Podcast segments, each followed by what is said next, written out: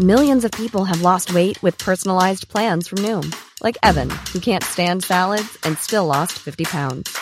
Salads, generally, for most people, are the easy button, right? For me, that wasn't an option. I never really was a salad guy. That's just not who I am. But Noom worked for me. Get your personalized plan today at Noom.com. Real Noom user compensated to provide their story. In four weeks, the typical Noom user can expect to lose one to two pounds per week. Individual results may vary. Say hello to a new era of mental health care. Cerebral is here to help you achieve your mental wellness goals with professional therapy and medication management support. 100% online.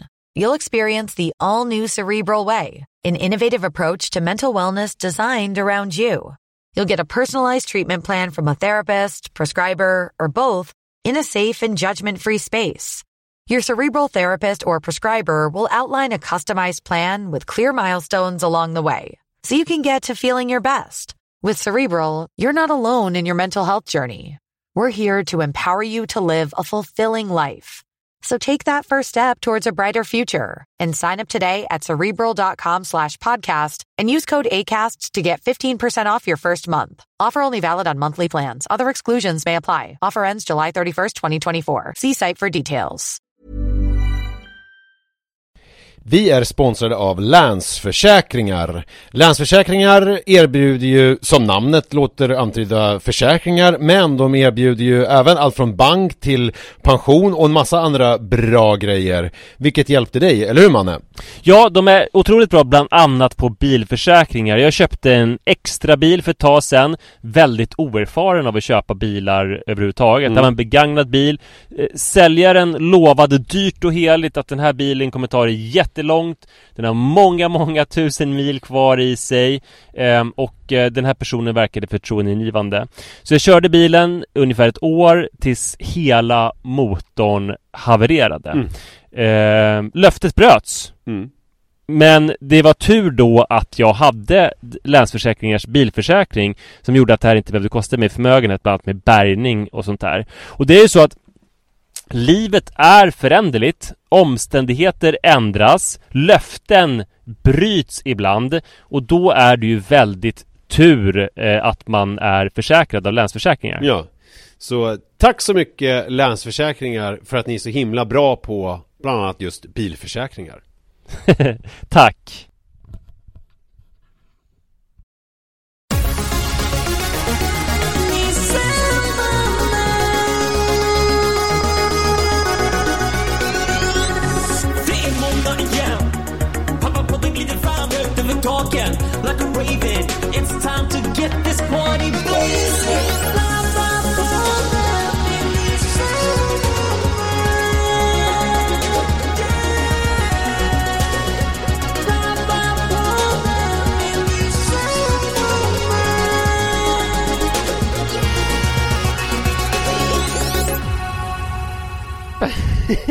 Det, är, det är din tur att hälsa välkommen. Men är det min tur? Alltså jag, gud, jag har ingen koll. Ja. Okej, okay, hallå hallå! Varmt välkomna ska ni vara till veckans avsnitt av Pappapodden. Hej Manne! Hallå! Vi har precis nåtts av nyheten att Lasse Berghagen har gått bort. Ja, men det blir så jävla dåligt orent eftersom han dödförklarades ju för några, eh, någon månad sedan också. Gjorde han? det? Nej. Ja, han har ju legat svävat mellan liv och död länge Så att eh, jag tror, jag vet inte om det var Expressen eller någon Som felaktigt dödförklarade honom och ringde upp till Malin Berghagen som förklarade att han inte var död. Jaha, gud vad hemskt. Men det ja, här är ju också eh, Så att eh, det var ju ingen jätteskräll. Jag, jag humblebraggar lite om, gud vad hemskt förresten Lasse Berghagen, det är ju jättetråkigt. Gud, jag beklagar eh, sorgen. Eh, Men Det som jag ville säga är att det, det, var som ett humble brag att vi spelade in så pass tidigt den här veckan För att, eh, mm. eftersom det är torsdag och inte söndag Ja, ja, ja, ja, ja, ja. okej, ja just ja. det eh, Verkligen, ja, verk, verkligen framförhållning Men man kan säga det om Lasse Berghagen, alltså jag tycker att hans musik är så fantastiskt eh, dålig mm. eh, Och det var liksom så nästan viktigt under min uppväxt att mina föräldrar ville att jag skulle förstå hur eh, klichéartade bilder han målade upp, hur dåliga texter det var och hur pajig han var men sen så träffade jag Min stora idol var ju Stefan Sundström Som liksom stod på andra sidan av viskonsten Och som var bra och spännande på riktigt Och eh, han berättade att han hade haft liksom samma inställning till Lasse Att Lasse var en eh, publikfriande klåpare. Mm. Men så hade de åkt, flugit tillsammans till Umeå Mm. och Lasse hade varit så otroligt mysig och bullrig och härlig så att eh, eh, Stefan Sundström hade börjat älska honom. Men vet du vad jag tror? Det här är eh, en tanke som har väckts i mig den senaste tiden apropå eh, konst och sånt och apropå skilja på eh, verk och eh, upphovsman. Så är det som Mm. att vissa människor, de finns på jorden för att vara härliga, bullriga och mysiga. Eh, typ Mm. Lasse Berghagen. Vissa finns på jorden för att vara typ vidriga, konstiga och äckliga. Typ eh, Michael Jackson eller eh, någon annan stor konstnär som jag inte kan komma på namnet på nu. Men då liksom, de är inte här för att vara trevliga personer utan de är här för att ge eh, mänskligheten någonting annat. Alltså de, de har en annat syfte. Eh, och så Mm. tänker jag att det är, och i- ofta så blandar man ihop det där att det liksom ska vara både och. För det är otroligt Ja. sällan som intressanta konstverk skapas utav härliga och mysiga och bullriga personer. Så är det ju. Eh, och det där är någonting som man måste ha med sig. Sen fan, hörde jag en väldigt rolig historia av Marcus Birro idag på, hörde du den också? På eh, Studio 1? Ja, det gjorde jag Ja, faktiskt. det var ju väldigt roligt. Jag vet inte om alla lyssnare lyssnade på eh, Studio 1 i torsdags eftermiddag. Men om ni inte gjorde det så kan jag berätta den här historien. Det var alltså eh, Cornelis Vreeswijk och eh, eh, Lasse Berghagen som satt på 60-talet på den här jävla visbåten som jag inte kommer ihåg vad den heter. Där alla var och sjöng sina visor. Och Mm. då hade Lill-Babs och eh, Lasse Berghagen precis gjort slut. Och eh, Lasse Berghagen var lite deppig, eller för han var ju inte deppig visade det sig för att han, han var Han var lite låg, alltså han var ju bullrig, härlig och mysig så att det var väl, han var väl inte deppig. Men då hade han i alla fall skrivit en låt eh, om en teddybjörn som heter Fredriksson som han eh, då eh, sjöng för Cornelis Vreeswijk. Varpå Cornelis Vreeswijk tar hans gitarrfodral och hela skiten och bara kastar ut i, i, eh, i, i sjön och säger du måste fan gå vidare. Eh, Det är dags att gå vidare eh, Lasse eh, Tycker jag var roligt. Cornelis är ju typ det- exempel på en Fan person vad dålig uppmärksamhet jag har, för det var ju en fem plus eh, story, jag lyssnade på intervjun, jag lyssnade på studiet Men jag körde frivändningar med skivstång på Sats samtidigt och missade tydligen eh, det, för jag har ingen minne av att han sa så. Eh, nej men det var ju otroligt eh, kul var det ju. Och det var också Mm. roligt att höra Marcus Birro sitta och lovprisa eh, Vad heter det, Lasse Berghagens poesi. Det kändes otroligt, alltså han, han, är det någon som vänder kappan efter vinden så mycket som han? Han har ju varit fan allting Eh, Först lite svår i P3, eh, kulturknutte från Göteborg. Sen någon slags eh, fotbolls... Eh, Ja, i P3 också, i ja, Frank kan vi ja, men det var ju liksom det jag menade. uh, uh, Ja, ja, precis. Mm. Ja, eh, i Frank man, han- man fick läsa upp texter till honom som han skulle recensera och var ganska Mm. hård då mot de här ungdomarna som läste. Jag har ju läst lite av Marcus Birro, alltså hans eh, tidigare liksom eh, skönlitterära alster och han är ju typ exempel på en, eh, vad jag skulle kalla för posör. Alltså han är ju väldigt mer intressant som person än man är som konstnär. Men det jag vill säga eh, mer om Marcus Birro Det var ju att han var ju först då den här eh, svåra konstnärspersonen Från Göteborg som var med i Frank. Sen blev han ju någon sån här fotbollsgalning, italiensk fotbollskille. Sen blev han lite såhär neofascistaktig, flörtade med högerkrafter Och skrev på olika sådana lite mer obskyra sajter eh, på högerkanten. Men sen är han nu lite grann Ja, och, och där han var tillsammans då också med en typ så här vänsterkvinna som bor på Söder Just det. Johanna någonting som eh, Alltså gjorde liksom offentligt sin aversion mot honom och hans högeråsikter Ja, eh, och nu är han ju tillbaks in i någon slags då, inte vet jag vilken värme han är inne i Men han är, sitter i alla fall i Studio 1 och uttalar sig om Lasse Berghagen Han hade väl skrivit Mm. hans eh, självbiografi tillsammans med Lasse Berghagen om jag förstod Mm. Ja, eh, detta om Marcus Birro och Lasse Berghagen Jag kommer precis in från årets första löptur i, ja det måste ju fan ha varit nollgradigt Jag hade på mig eh, tights eh, och jag hade en sån här, eh, vad heter det, sån här liten väst på Mm. mig och eh, vantar. Vantar har jag i och för sig så fort det är under 13-12 grader. Alltså en liten väst, alltså du hade något plagg mer, någon långärmad t-shirt Ja precis, jag hade en långärmad eh, tisha och, eh, Mm. och sen så hade jag en liten väst på. Och eh, Mm. vantar. Och vet du? Jag har ju inte sprungit ute på länge eftersom förra vintern så körde jag ju bara crosstrainer. Eh, och det, det. är så härligt att springa i mörker. Jag har nästan glömt bort det För jag känner mig som Jag försökte jag försökte formulera för mig själv vad det var jag upplevde. Och så kom det så här, det snöade lite försiktigt också. Det, det är en omfamning var det närmsta jag kom. Jag känner mig omfamnad Eh, och så lyssnade jag jättelågt på Jag har ju en sån här, det har ju jag lyssnat på länge vet du, att jag har sån här spa-musik jämt på i bakgrunden och hemma. Uh, och på... Nej, det, det, visste jag inte förrän förra avsnittet. Jaha. När du nämnde att du hade det i badet. Nej men det har jag, det har jag haft i flera år. Och på julen så har jag Okej. hittat en sån här spa-lista med julsånger. Jaha. som jag plockar fram i juletid.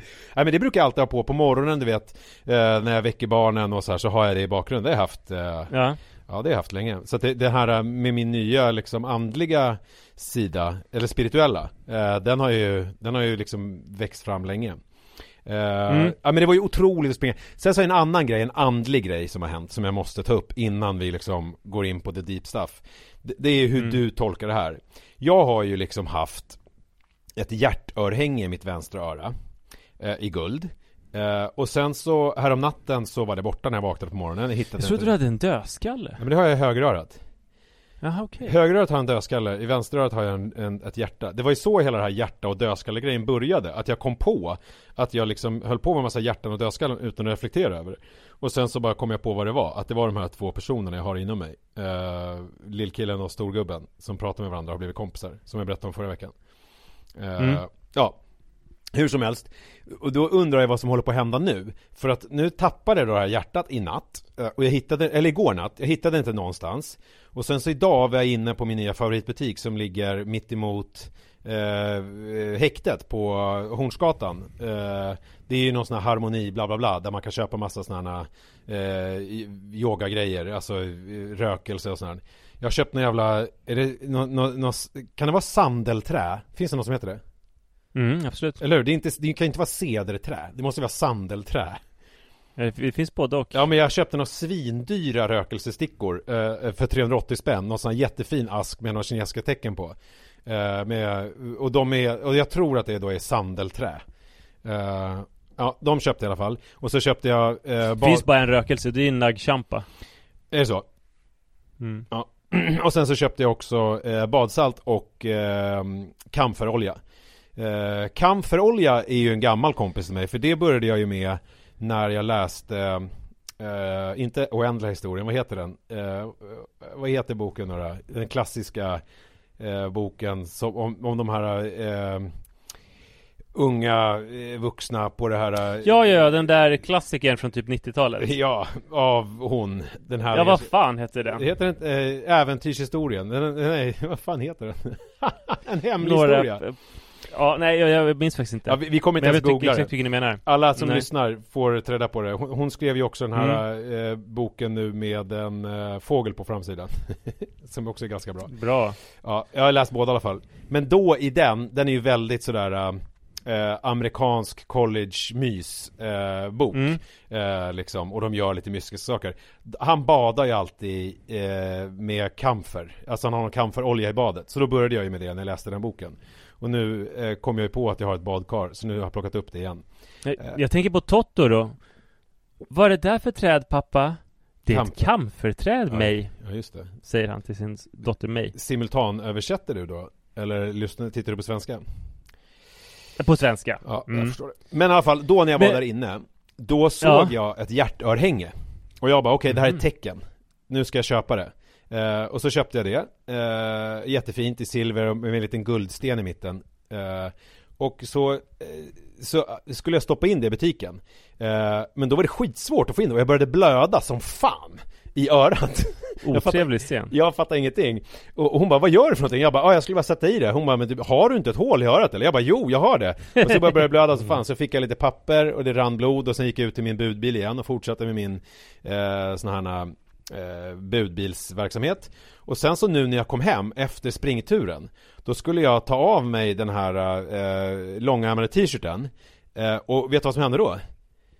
Då bara Nej. slet jag ut det där örhänget så bara flög all världens väg och nu är det borta också. Och då undrar jag du, hur du tolkar det här eh, Att jag liksom då eh, Att det här örhänget Vad stod det här hjärtat för? Ja men hjärtat är ju den trygga personen Alltså den, eh, och sen så dödskallen är ju ADHDn Så har jag tolkat det Ja, Att jag har liksom- ADHD har väl tagit över helt nu då? Ja men det är så Eller så är det så att, Ja. att, att de har blivit ett Det, Att det liksom Det är... Det är liksom, du har nått the point of no return, det är det du försöker Ja, men jag köpte faktiskt två, för det är ju alltid sådana tvåpack, så jag har ett till. Så jag tänkte att jag ska Okej. försöka trycka in det. Om det också det kommer- försvinner, då är det Det liksom, helvete då är det ett tecken. Ja, mm, så verkligen. det var veckans andliga nyheter. Vad har hänt i ditt liv?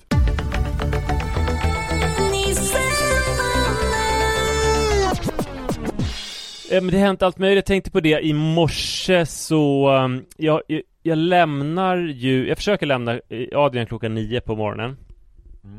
Men ofta så skiter det sig. Och jag har börjat inse att eh, Alltså jag lever ju inte, alltså med honom i alla fall så lever jag inte en klassisk pappatillvaro Utan jag lever kanske på sin höjd någon slags mysig m- morfarstillvaro Alltså man ser nu hur vi hade det i natt. Alltså i och för sig, det som är jobbigt på natten När jag sover med honom det är att han eh, Inte nöjer sig med att sova bredvid mig särskilt mycket utan han vill sova på mig. Okej. Och eh, när han ligger och sover på mig så vill han skrapa på någon av mina bröstvårtor som en skraplott För att han tänker att här, här, jag vill minnas, jag har vaga minnen av att det hände någonting ur en liknande sån här grej någon gång i forntiden.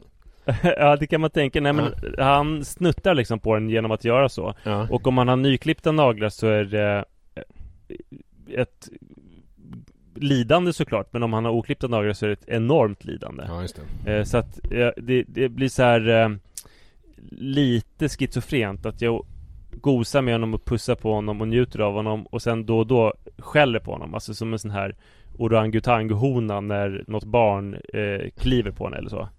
Eh, Så att eh, Bara så att han ska veta ut lite grann liksom. Han ligger och skrapar på bröstvården Men ändå det är helt sjukt mysigt. Och framförallt så är det så att eh, Jag har ju liksom inget eh, uppdrag på morgonen som har med de stora barnen att göra och har väl inte haft egentligen på ganska länge. Nej. Så att vi kan ligga och dra oss. Ofta så ställer jag klockan på 7.30 för jag tycker att Tänker väl någonstans att senare så kan man väl för fan inte gå upp. Men i morse, alltså snosar jag ofta Och han vill ju sova och i morse sov vi till typ 10 över 8 Hur töntigt Eh, är bara- det med såna här nyheter när det är någon forskare som har gjort, apropå snus, som har gjort någon Mm. undersökning med typ 30 personer där de har kommit fram till att det är bra att snosa och sen så är det överallt i varenda jävla tidning och varenda radioprogram man lyssnar på. Eh, att det är så Det här, låter supertöntigt Ja men det är, jag, åh, jag blir så allergisk mot sådana där nyheter. Eh, ja, det var Ja. bara en passus. Ja, ja, absolut. Nyhet som är baserad på extremt dålig forskning Eller liksom liten forskning, Mm. absolut eh, Nej men så, så vi ligger och snosar och sen så då i morse så Typ eh, lekte vi och stojade och eh, jag blandade också sportdryck för jag skulle åka rullskidor. Jag åkte rullskidor i ymnigt snöfall idag vilket kändes kongenialt och också Ja, det känns fan inte som en omfamning men ändå liksom ganska speciellt. Ja fast det är skillnad, när man, det är skillnad tycker jag när det är ljust ute. Ja kanske. Det är någonting när det är mörkt. Speciellt om man springer, nu hade jag ingen pannlampa Men om man springer i mörker och det snöar och, det, och, och, och man har en pannlampa Det är ju magiskt alltså. Ja det är häftigt. Ja det är det. Ja. Ja, eh, så, så vi, du vet eh, Busade och lekte, jag bar upp honom och pruttade på hans mage, vi spelade lite fotboll. Alltså, Äckligt att gjorde prutta oss- på hans mage. Ja, Alltså du, med min mun du vet, så att han skrattar Aha. Så han kiknar. Okej. Och sen eh, när jag skulle sätta på kläderna så bröt han ju ihop fullkomligt såklart eh, Vilket jag inte bryr mig särskilt mycket om. Men det jag tänkte på då Det var Alla de här föräldrarna som jag träffar på förskolan Som håller på att klä på ett skrikande barn Men det är, det är något annat barn där också Det är ju Väldigt, väldigt vanligt att man har fler barn Ja, ja, att de är där jag- med någon annan Alltså jag tänkte att det var något annat barn på förskolan Men det är något annat alltså, nej nej, alltså när de barn. sitter hemma i sina hem Ja. För det första så, hela det här är liksom så här eh, Allting är ju då så fuskigt för att de flesta har ju liksom en tid att passa Så de har gått upp jättetidigt De kanske har behövt väcka ett barn som egentligen inte vill vakna Mm. Och sen när de får det här klä på kläder sammanbrottet Då har de dessutom att hantera ett barn som de kanske nyss klädde på Just. Som sitter och skriker, det blir jättesvettigt eller du vet så här. eh, Och då tänkte jag på att så här Fan, eh, de är ju på, i föräldraskapets frontlinje på riktigt liksom Just det Att jag, jag är ju en mysmorfar som har den här härliga relationen där det liksom största problemet är att ett litet barn skriker eller skrapar på min bröstvårta. Just det. Eh, alltså det är fusk, alltså d- när jag började göra podden, ja inte exakt då för då var ju Rut nyfödd men ett år in i podden, eh, alltså avsnitt typ 50 Mm. Då var, då var jag ju tvungen och du också att vara liksom så här. Inte du förresten för du blir det senare Men jag var tvungen att vara extremt duktig förälder Ja, just det. Alltså att skärpa alla mina eh, föräldraskapsknivar Vässa dem varje dag Mm. för att saker och ting skulle funka Mm. eh, Och så är jag, jag liksom, när jag lämnade Adrian sen, vi kom liksom 9.20 Mm. det verkar vara helt okej för att det är en småbarnshotel. Jag minns tidigare så här, lämna nio eh, för att sen börjar ju verksamheten och de, ja, det de verkar inte bli sura men jag glider in där 9.20 och tänker på de här föräldrarna som har lämnat för flera timmar sedan som liksom så här Dels har det jävligt mycket hårdare och dels är så mycket förmodligen skickligare än jag. Ja. Jag kan ju ingenting mer än att hålla den här lilla pojken eh, glad och nöjd för det mesta. Ja. Eh, och hela livet är ett fusk. Eh, för att det, det som är skillnaden nu mot när de andra barnen var små, det är att då tänkte jag att man måste hålla sig så sysselsatt som möjligt. Mm. Men nu tänker jag mig att jag ska hålla mig så lite sysselsatt som möjligt. Och att själva föräldragrejen är huvudgrejen i mitt liv. Ja, ja, ja, okej, jag fattar. Jag tror du menar sysselsatt med Adrian, men du menar sysselsatt... Ja, nej med jobb. Jag Ja. tänkte liksom eh, Alltså jag eh, jobbade så mycket som möjligt. Ja.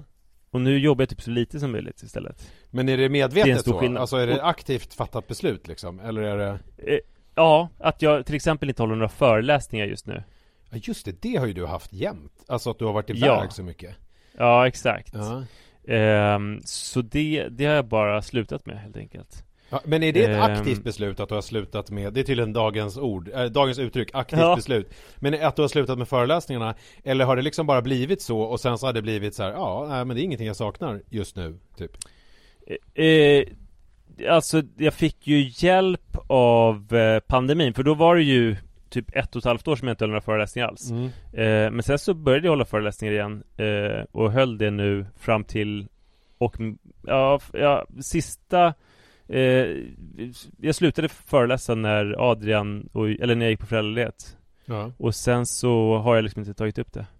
Och- eh, Men jag jag- tänker väl att jag ska göra det någon gång i livet Men eh, inte just nu. Ja, nej men, det, men det, det, det är liksom inte, det blev så att det naturligt blev så att du inte föreläste för att du var pappaledig och sen så har du liksom inte riktigt känt att du så här, nej men jag är inte så sugen. Eller är det så att du bara inte har fått arslet Nej jag har inte känt något, eh, nej jag har inte känt något sug eh, Alltså framförallt, jo alltså jag längtar väl, eh, föreläsningar är så stor del av mitt liv sådär, så jag längtar väl lite efter det. Samtidigt så är det ganska jobbigt att föreläsa om jag inte gjort det på länge plus att jag tycker att det är så jävla mycket värt nu att inte ha så mycket bokat liksom. Jag har ju kommit på det Eh. att jag eh, Eftersom jag nu är en person som vet vad jag tycker och tänker om saker och ting på ett annat sätt än tidigare Ja, Så har jag kommit på att föreläsare är nog det värsta jag kan tänka mig att hålla på med Alltså jag har verkligen Va? Alltså, ja, att jag är Jag vill Jag vill verkligen inte med någon Centimeter av min kropp åka runt och föreläsa Nej jag trodde det var i hela ditt fokus Ja, att du jag- skulle föreläsa Ja, det trodde jag också Men sen har jag kommit på Står att, det inte typ i dina bios överallt att du är föreläsare? Nej, men det är ju olika bios som olika sådana här talarförmedlare har gjort Eh, Men Just det. Jag är ju Nej men jag, jag vill verkligen inte Alltså det, det finns inget Ja, klart det finns Jag skulle hellre föreläsa än att typ Skära mig själv med saker i ansiktet Eh, Men jag menar Mm. det är ju Nej men jag, jag är inte jag, Nej, inte kul Tycker inte jag Nej. Eh, men... Men det, alltså du har väl inte gjort det så himla mycket heller? Alltså det, för mig tog det nog så här 50 gånger innan jag, alltså för, för i början så Nu har ju du varit mycket mer, gjort scenframträdanden och sånt där men Jag minns att jag fantiserade ju alltid och dagdrömde om att planet jag åkte på skulle störta och sånt Ja men det är inte det. Jag tror att det här har att göra med en, en del av min personlighet som är att jag är en betraktare, en åskådare. Och det här är ju någonting som ligger i, eh, har legat i mig jämt. Att jag, alltså, har ju eh, alltid älskat att titta på när andra gör. Alltså, eh, när jag till exempel var liten och vi, när det var dataspel Då kanske jag spelade i en halvtimme. Sen så satt jag och tittade när andra spelade. Jag tyckte det var det roligaste som fanns. Och till exempel om jag fick lego i födelsedagspresent Då ville jag ju gärna att någon annan gäst eller min pappa skulle bygga upp lego så att jag tittade på. Och eh, mm. sen så ligger ju också i så här programledargrejen som jag har gjort när jag intervjuat. Det handlar ju också om att få andra, lyssna på andra när de pratar och liksom höra dem. Och jag vet att när vi började podda så är det ju, alltså så, så var ju det eh, i början var det lite av ett problem för att det blev lite som att jag var programledare och du var gäst. Alltså att det var liksom Men du har ju alltid älskat att prata om dig själv och ja. analysera dig själv som du gör exakt just nu. Ja, ja. Alltså på så sätt så är det ju helt sant. Men det här är ju liksom en, ett annat forum än om jag skulle stå på scenen. För det finns någonting i det som jag Alltså stå på scen älskar jag och liksom Jag kan ju stå och hålla på och garva och vara lite rolig och gå upp och improvisera lite i någon sån här I någon typ av sammanhang när det är Eh, till exempel om jag är moderator eller om jag är konferencier eller någonting. Det är det bästa som finns. Det är ju skitroligt. Men däremot att stå 45 minuter och eh, berätta någonting för någon. Jag har ju fan skrivit en bok. Eh, men även min bok är ju ett exempel på det här eftersom det är inte jag som pratar i boken. Utan det är ju att jag låter andra prata och så sammanställer jag vad de har sagt. Så att det är liksom mm. eh, det, det, det, och där har jag kommit fram till att det här är ju Det här är ju en del av min personlighet eh, Och jag, jag är liksom inte riktigt Jag är inte den som står längst fram och berättar exakt hur det är Utan jag är den som står bredvid och typ eh, Säger åt, eh, frågar och hjälper och eh, tittar på och, och har lite roligt, kommer med lite roliga inpass typ Just det mm. Så, eh, ja, jag kan, ja, vi kan åka runt. med Vi kan åka runt och så kan jag, kan jag fråga dig lite olika roliga saker om sex och så kan du prata. Eh, Ja, ja men verkligen. Mm. Men i alla fall tillbaka då på förskolan. Eh, Så eh, Så känner jag mig nästan Alltså jag känner mig typ som en eh, En, en besökare. Alltså som står jag står där vid fronten och ser den eh, längre bort, alltså som ett stort, stort fält där, det ett, där man ser liksom eh, skyttegravarna Just det Långt, långt bort och jag är inte i dem överhuvudtaget Och hör smällarna men man är liksom inte alls i farozonen Nej precis, mm. eh, helt utom fara men mm. sen så åkte jag hem mm. och eh, eh, såg att badrummet, fast jag hade försökt ta hand om det eh, så var det kaos. Övre badrummet är alltid kaos, för det är liksom som barnens badrum och då är det så här bomullspads överallt, det är tandkräm i handfatet, det är kläder som är bara dumpade överallt och det är väldigt mycket så här eh, puder och sminkprodukter som har spillts runt och sen bara grejer kastade överallt. Men nu har något av mina barn eh, börjat älska att sminka sig även på nedervåningen, vilket mm. gör att det är så här men det, det, är en oreda som man inte ens kan föreställa sig. Och nu hade jag då så här plockat ihop sminkprodukterna som låg på Adrians skötbord. Mm. Jag sa till det här barnet igår, du kan inte lägga liksom sminkprodukter över hela Adrians skötbord. Nej. Och då sa det här barnet att, vad då? Det, det, det kan jag väl visst, för att skötbord använde ni väl till honom när han var liten? Jag menar att han är ju fortfarande ett blöjebarn och det är bästa stället att byta på Men, men det, det tyckte hon nästan var liksom så infantiliserande av eh, Adrian Men det är också ett roligt argument för att det är så här eh, För att då kan det ju ligga smink överallt där Alltså, ja, ja, visst. Ja, då kan det bli ett sminkbord istället. Det är ju bara att ta bort K-Ö-T och lägga dit M-I-N-K. Så blir det ju liksom ett... Mm. Ja. Nej men så jag st stod där på alla fyra och fick liksom ont i mina skurgummiknän eh, Svor lite grann, hängde upp barnens eh, kringströdda grejer Och sen så eh, tänkte jag på kvällen som jag hade framför mig att jag skulle skjutsa eh, härsan och tvärsan och mina skjutsningar, så är det ju inte för, jag menar, kanske finns någon på storbarnsavdelningen som skjutsar till en jävla Bamse-gympa som slutar 17.30, de tänker att det är sent. Mm. Eh, alla mina skjutsningar, de är 17, eller vet du 19 till 21. Eh, mm. Eh, så att 21 kör jag hem, inte bara mitt barn, utan ofta flera barn. Och sen så kommer jag hem och då är det någon ny sån här grej som ska tas upp från golvet eller papper som har hamnat fel eller sminkprodukter som har smetats ut, tankar som har spottats fan på golvet.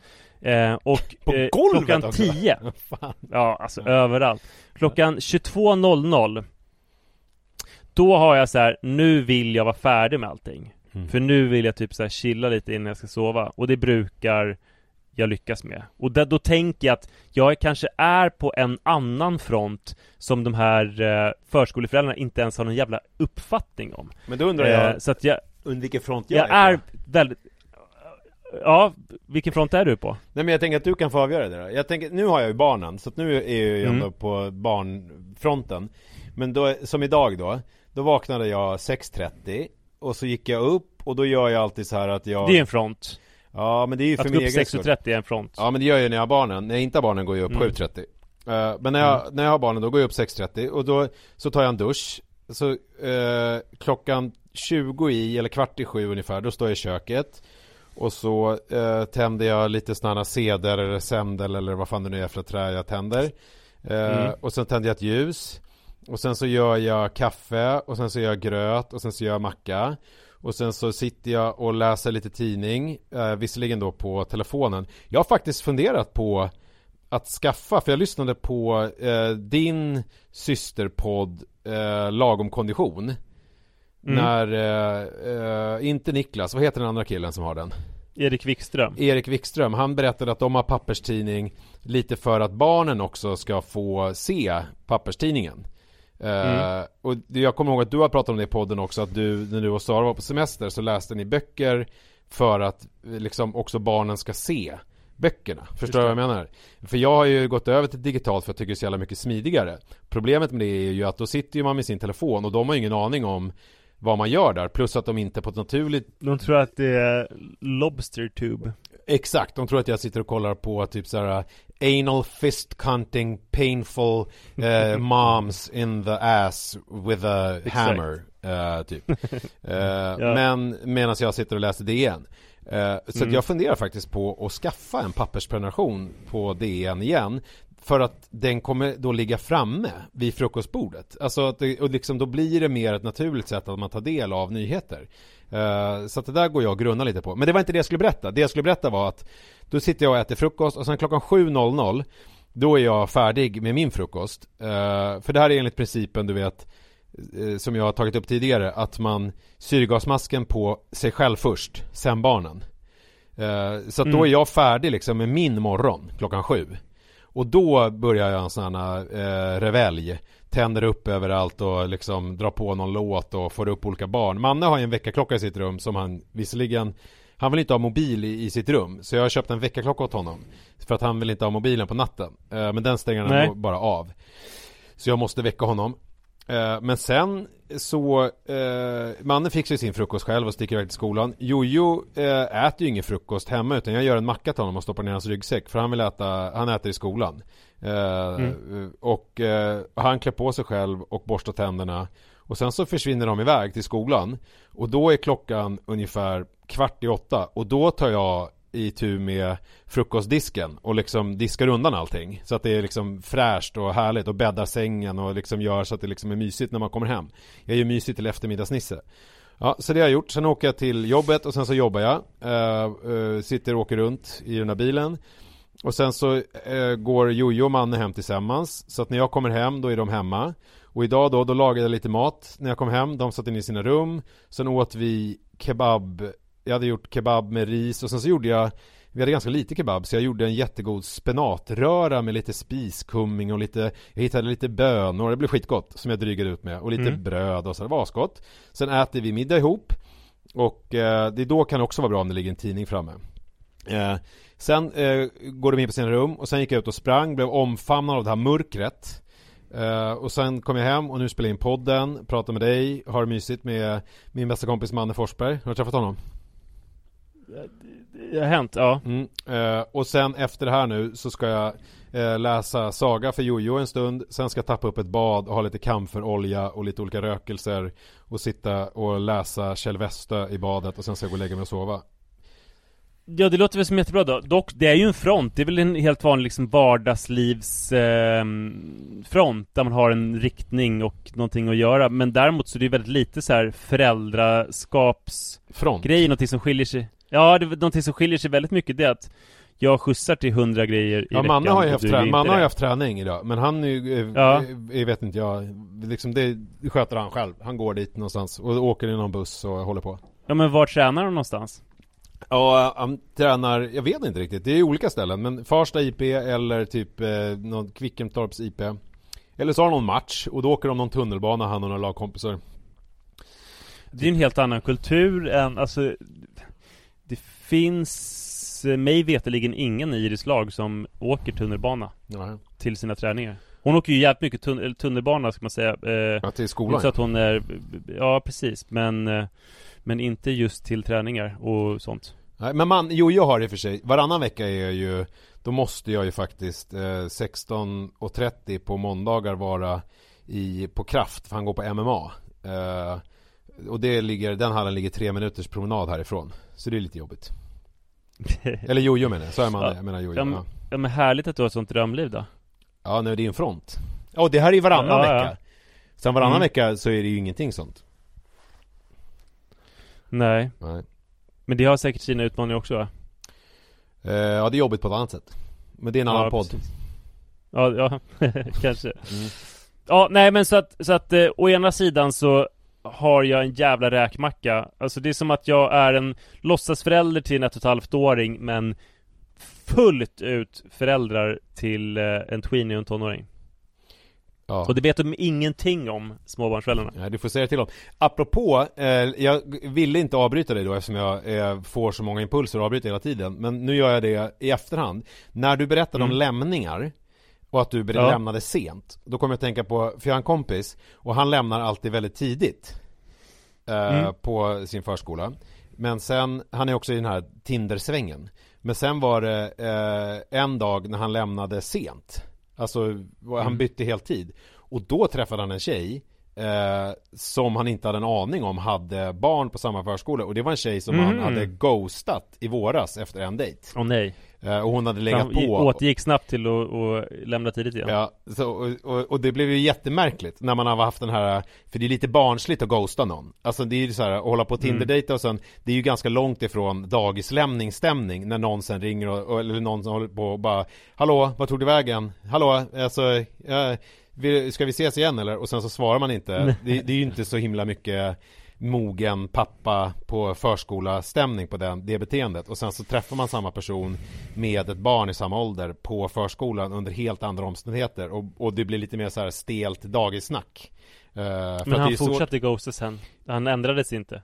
Nej, nej, nej, nej, men hon hade ju slutat höra av sig och hon hörde inte av sig då heller. Men det blev ju lite, Nej. det blev ju en väldigt, det blev i och för sig ganska bra för att det är svårt att ställa till med en scen där eh, Framför alla dagisbarn och, och svettiga galonkläder och sådär eh, Eller ja, Mm. Say hello to a new era of mental health care. Cerebral is here to help you achieve your mental wellness goals with professional therapy and medication management support. 100% online. You'll experience the all new Cerebral Way, an innovative approach to mental wellness designed around you. You'll get a personalized treatment plan from a therapist, prescriber, or both in a safe and judgment free space. Your cerebral therapist or prescriber will outline a customized plan with clear milestones along the way so you can get to feeling your best. With Cerebral, you're not alone in your mental health journey.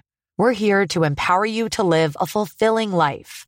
So take that first step towards a brighter future and sign up today at cerebral.com slash podcast and use code ACAST to get 15% off your first month. Offer only valid on monthly plans. Other exclusions may apply. Offer ends July 31st, 2024. See site for details.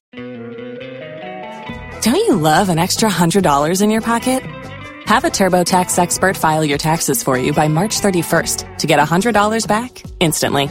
Because no matter what moves you made last year, TurboTax makes them count. That means getting $100 back and 100% accurate taxes only from Intuit TurboTax. Must file by 331. Credit only applicable to federal filing fees with TurboTax full service. Offer can be modified or terminated at any time.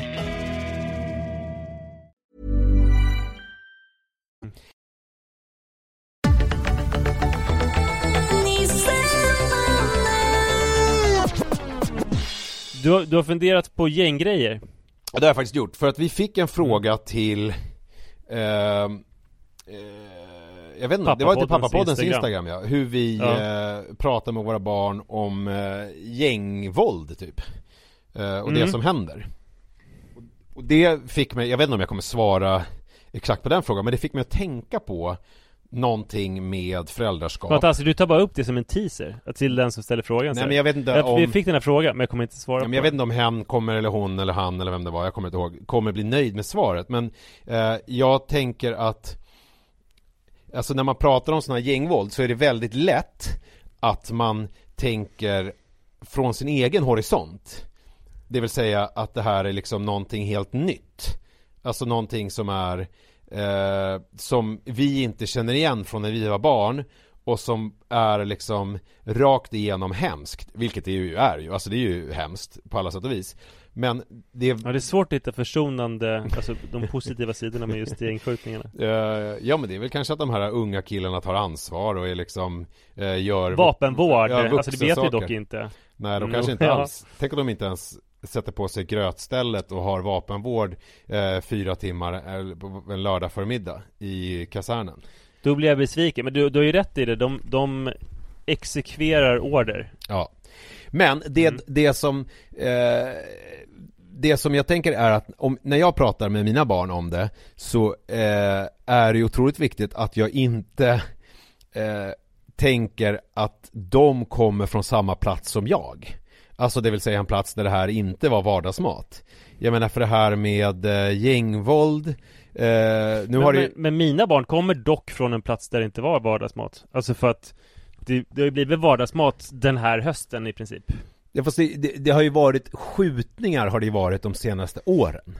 Det har ju varit ganska länge som det har varit, alltså skjutningar. Att liksom det har varit det här äh, att... Jo, jo, jo, och det läste man ju liksom i så här, jag läste någon jättespännande bok av typ Thomas Lappalainen om eh, vad heter de, Wolfpack och sånt här som hade liksom enorma eh, gängkrig eh, vid millennieskiftet. Men men det har ju skett en eskalering, det är därför vi pratar om det nu. Ja, och jag menar men den här eskaleringen har ju pågått Jag tänker på, för Manne då som nu fyller 14 här eh, Så mm. har ju alla, alla de här gängskjutningarna och det här gangsta rap grejsimojset har ju funnits så länge han kan minnas egentligen Förstår mm. du? Alltså jag menar om han Han började ju liksom när han var sex år så började han ju rappa på de här olika Låtarna som kom då, de här första generationens liksom eh, gangsterrap och, och sådär eh, Så att, och, och med Ja ni bodde ju nära Dalen-nätverket och Einar jo, jo men jag tror inte att det, jag menar inte att man bor i liksom där det är Jag menar bara att det liksom pratas om och finns runt omkring en och är liksom en realitet och, ja. då, och, och, det är väl det, det är det jag menar att, eh, att när jag pratar med Manne om det så försöker jag vara ganska krass. Alltså att det liksom är, eh, att så här ser verkligheten ut. Eh, mm. och, och, han måste förhålla sig till det, att det blir liksom Eh, nu, det handlar väl lite om att man bor där man bor, att, att jag måste liksom säkerställa att han vet vilka som just nu har anslutit sig och vet vilka platser man inte ska vara på eh, och så vidare och ha koll på de grejerna. Eh, för att som tonåring idag så är det ju liksom eh, när jag var 13 och du var i 13-årsåldern då kunde man ju göra bort sig och för, som jag var lite så här kickers och hänga i centrum och vara lite cool och, och sno någonting och stå och röka lite hasch någonstans utan att det var fara för ens liv i någon slags direkt mening. Idag så kan man det vara mm. så att man bara står på fel plats och så, så kommer någon och så ska de spraya någon och så står man för nära och så blir man pepprad liksom. Eh, eller att man bara har en viss jacka på sig och sådär. Eh, så, så. Och så har var... du några tips eh, på då var man liksom inte ska stå och vad man inte ska göra. I Farsta centrum har jag ju det. Men jag vet inte om jag, det känns så himla konstigt att, att sitta och prata om det i podden. Det blir, det kan Ja, det, nej, nej, det blir det väldigt ta, lokalt såklart. Ja, det, det, kan, om det är någon Farsta-lyssnare som undrar och som är osäker så kan Jo, man jo, men okej, okay, men det, det, förstår jag liksom, ja. vilket hörn man inte ska stå på. Det kanske inte är ett stort allmänintresse, mm. men Finns det saker som man inte ska göra? Kläder som man inte ska ha? Haglöfs har vi hört till exempel eh, att man inte ska ha. Eh, det var några som åkte till typ Dalen och skulle meja alla som hade haglöfs på sig. Men det där är ju du som, du har ju koll på alla, men jag kommer ju aldrig ihåg vad märken heter. Men det är, vad heter de här, Moncler-jackorna ska man inte ha. Uh, och man ska ju inte, och det är väl det här också att det finns ju Det, var det är ju lätt att undvika eftersom de kostar typ 15 000 kronor Exakt, men det var ju många faktiskt killar i Farsta Många, sanning modifikation Men det var ju en del som jag känner till som fick sig en otrolig näsbränna med det som hände i somras som tycker att det är lite tufft med den här gangsterkulturen och klär sig lite så och går runt lite i centrum eh, som, men liksom inte är på något sätt anslutna till någonting men bara tycker att det är lite coolt. Men de blev ju livrädda för då fattade de helt plötsligt Alltså att det är eh, förknippat med livsfara. Att man, att man, mm. om man, om man är lite tonårig, är lite impulsstyrd och tycker att det liksom är lite coolt att vara lite cool. Men idag så är det livsfarligt på ett sätt som det inte var eh, på våran tid. Men nu, nu hamnar jag i något Nej. annat resonemang. Det jag menar är att eh, att när jag pratar med mannen då kan jag inte, då kan jag inte liksom ha oj vad hemskt det är och vad är det som händer med vårt samhälle utan jag måste ha en ganska krass syn på det för att eh, vi lever mitt i det nu. Sen kan man ju med, eh, sen kan man ju såklart eh, försöka verka för att det ska bli på något annat vis. Men, men jag har svårt att liksom prata om det på något sån här eh, oj oj oj det är så hemskt nu för tiden sett. Eh, det går ju inte riktigt. Eh, men sen det fick mig att börja tänka på någonting annat att eh, att barn, eh, och jag, jag känner det allt mer starkt, och det tror jag har att göra med mina nya insikter med det här med att jag har en relation till mig själv. Att det liksom är den främsta relationen och att relationen till barn och rela alltså är även det en relation som jag har utöver relationen jag har till mig själv. Och att det verkligen är så här att mina barn eh, är på sin resa och de måste leva sina liv. Och jag kan liksom inte eh, jag kan inte påverka eh, deras liv mer än att jag kan liksom såklart ge dem husrum och mat och eh, ta dem på allvar. Eh, liksom i deras eh, bekymmer när de kommer till mig och så lyssna på dem och vara närvarande. Men jag kan liksom inte leva åt dem. Eh, det är liksom inte min sak. De, de är här, de har sin liksom resa som de ska göra i livet eh, och den har inte jag så mycket med att göra. Mer Där var ju din jag... pappa väldigt mycket med handgriplig som ändå rörde sig där ni rörde er ja. och var eh, så här, vad heter det? Fältassistent Föräldrar på stan, ja, fältassistent, ja och jag, och jag tror, alltså älskar min pappa till bits and pieces eh, såklart och jag menar alla gör ju Eh, det som de gör och de gör av kärlek. Men jag är väldigt mycket inne på att eh, barnen har sin grej som de gör, som jag inte riktigt kan lägga mig i på något vis. Alltså jag, det är liksom, eh, alltså inte på något defaitistiskt eller typ såhär eh, eh Ja alltså, men, men alltså det är så här, you're on your own man. Alltså det finns ingen som, det finns ingen som kommer fixa det här åt dig. Du får fixa det själv liksom. Eh, jag finns här som någon slags stöd och eh, någon slags grund Men jag kan inte göra någonting eh, åt ditt liv För att det kommer du få leva själv i alla fall. Och det, det är någon insikt som jag har fått. Jag fattar, men, men så är det ju såklart på ett sätt. Men vad innebär det att du inte pratar med dem om de här gänggrejerna?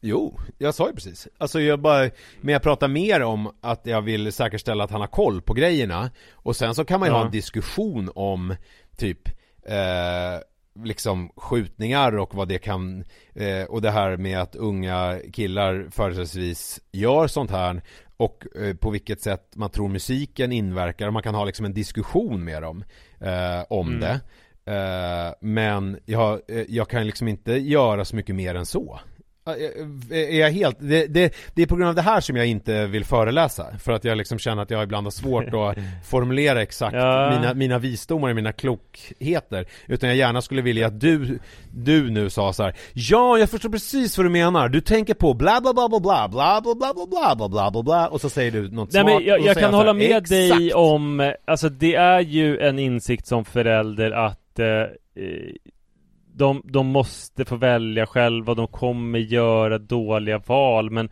samtidigt så tror jag eh, Jag lever inte genom dem. Det är väl det jag tror jag Nej, kommer, men jag alltså, tror att det är ett enormt stort misstag Som jag höll på att börja göra eh, när de började vara självgående Det är att man tänker alltså, Man har haft en jobbig tid med barnen som det är att vara småbarnsförälder när man måste vara med dem hela tiden Man måste gå med dem när de är på toaletten. Först för att torka dem och sen för att de vill ha sällskap. Eh, och sen liksom... för att det är mysigt bara. Det är det du menar? Ja, du, du, du, går med ja, i det så ut ja, in på ja. toa? Ja, ja, ja, ja absolut. Så, så var det ju. Nej jag menar eh, nu, att du gör det nu för att du Nej, gjorde nej, det misstag.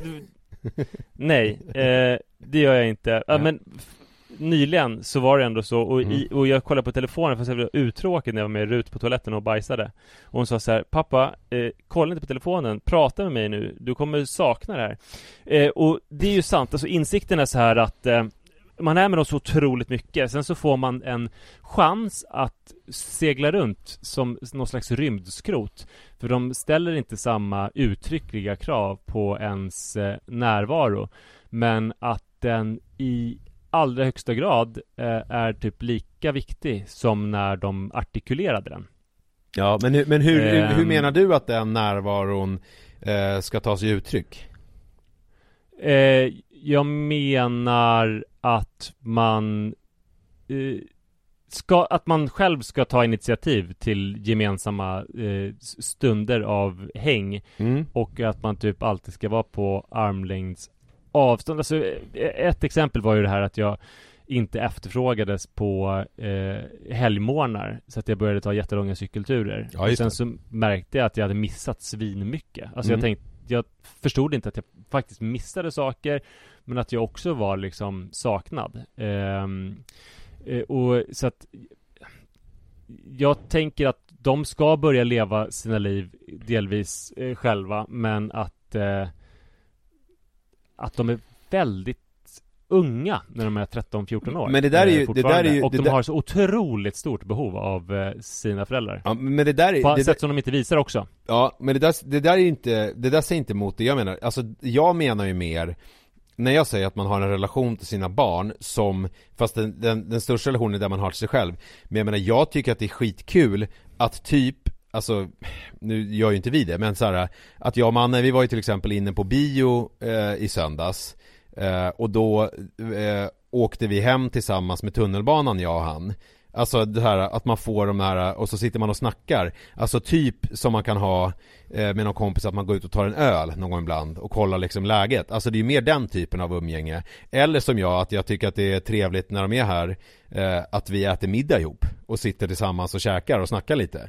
Eh, Så, det tycker jag är asmysigt. Mm. och jag, den, den typen av grejer Det tycker jag är trevligt. Men det är ju en, det är ju en annan sak än att tänka att man hela tiden finns eh, till för deras skull eller att de är någon slags förlängning av en själv och att man kan liksom Ja, att jag kan fly mig själv in i deras liv så att säga. Och jag tänker också med, jag tänker med typ Mannes skolarbete till exempel så är jag så här jag är ju mycket mer nu så här förklara för honom vad som gäller och hur det funkar eh, Men jag kan liksom inte göra läxorna åt honom eller liksom, jag kan inte tvinga honom att plugga eller jag kan inte göra någonting utan det är liksom Vissa grejer måste han få lära sig själv typ. Att det är så här eh, Jag kan förklara för honom förutsättningarna Men jag, jag orkar inte, jag har varken tid eller lust att sitta och så här med honom och tvinga honom att plugga. Alltså det är liksom det, det är, nej, ja, det, det, nej, det är liksom waste of everybody's time.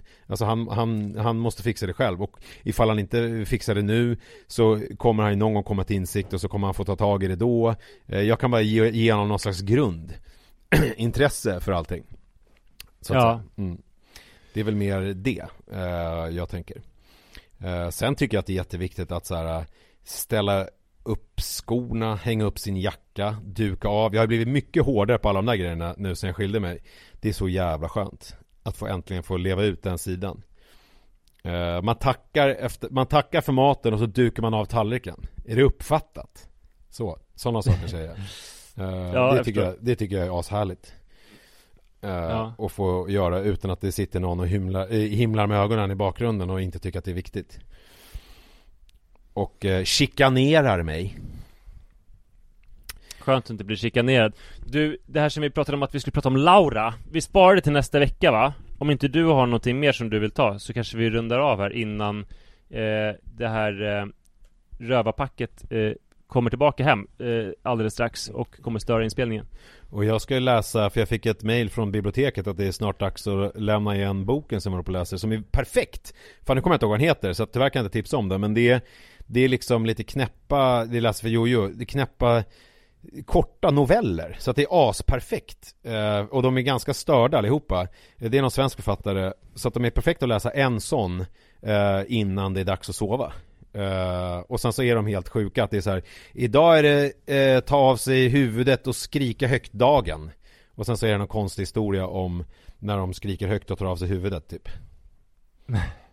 Bra, är, är det ett tips? Uh, ja, jag vet inte vad det var egentligen. Det var bara en konstig avslutning. Ja men du, vad, vad heter den då? Ja men jag vet inte vad den heter. Nej. Är det andra grejer idag som vi inte vet vad det är och inte orkar ta reda på? Det var ju också, uh, ja det var något annat också, jävligt slappt den Den heter väl Den Hemliga Historien? Så heter den ja! Den Hemliga Historien ja. av uh, Tate, ja. nej, uh, Donna Tart Exakt Där satte vi det Vart är vi på väg? Bra, hörni, vi hörs om en vecka tycker jag Det gör vi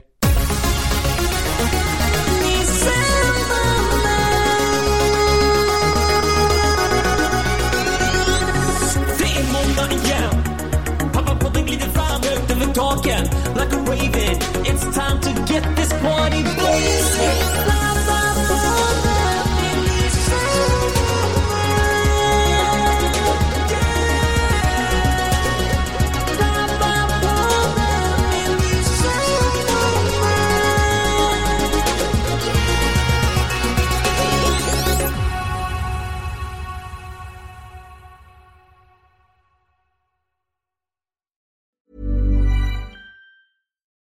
Join us today during the Jeep Celebration event. Right now, get 20% below MSRP for an average of 15178 under MSRP on the purchase of a 2023 Jeep Grand Cherokee Overland 4xE or Summit 4xE.